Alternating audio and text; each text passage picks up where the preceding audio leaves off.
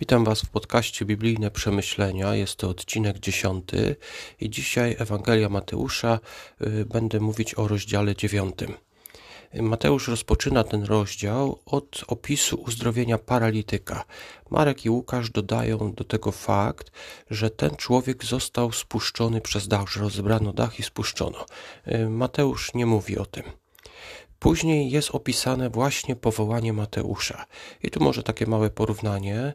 Mateusza 9:9 i odchodząc stamtąd ujrzał Jezus człowieka siedzącego przy cle imieniem Mateusz i rzekł do niego: Pójdź za mną. A on wstał i poszedł za nim. I tutaj Marek, Marek, drugi rozdział, werset 14. A gdy przechodził, ujrzał Lewiego, syna Alfeusza, siedzącego przy cle i rzekł mu: Pójdź za mną i wstał i poszedł za nim. Wydaje się, że Mateusz miał na imię Lewi, ale dostał to imię Mateusz, dostał je po tym, jak został uczniem Jezusa. Chyba można powiedzieć, że jest tutaj podobnie tak jak, y, tak jak z Szymonem, który dostał później imię Piotr. E, fragment, e, dziewiąty rozdział, wersety 14 do 17, to rozmowa z uczniami Jana Chrzciciela. Jest to już po uwięzieniu Jana. Wydaje się, że ci uczniowie Jana Chrzciciela mieli chyba trochę żal do Jezusa, że ma osobną grupę, że nie współpracuje z nimi, że nie przestrzega tych zasad, których, których Jan uczył.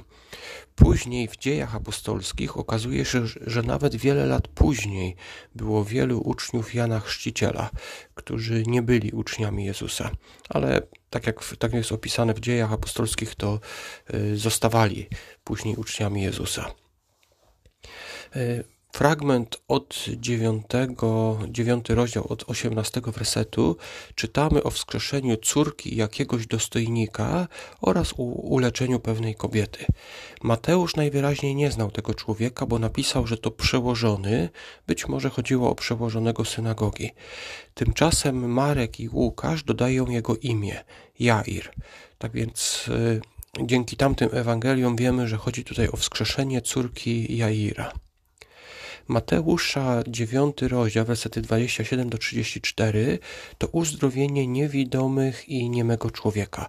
I to, to opisał tylko Mateusz. E, ostatnie wersety, czyli Mateusza 9 rozdział 36 do 38, to słowa e, Jezusa, że jest mało robotników, a praca jest bardzo wielka. I później Jezus mówi o, o tym, o co mają się modlić.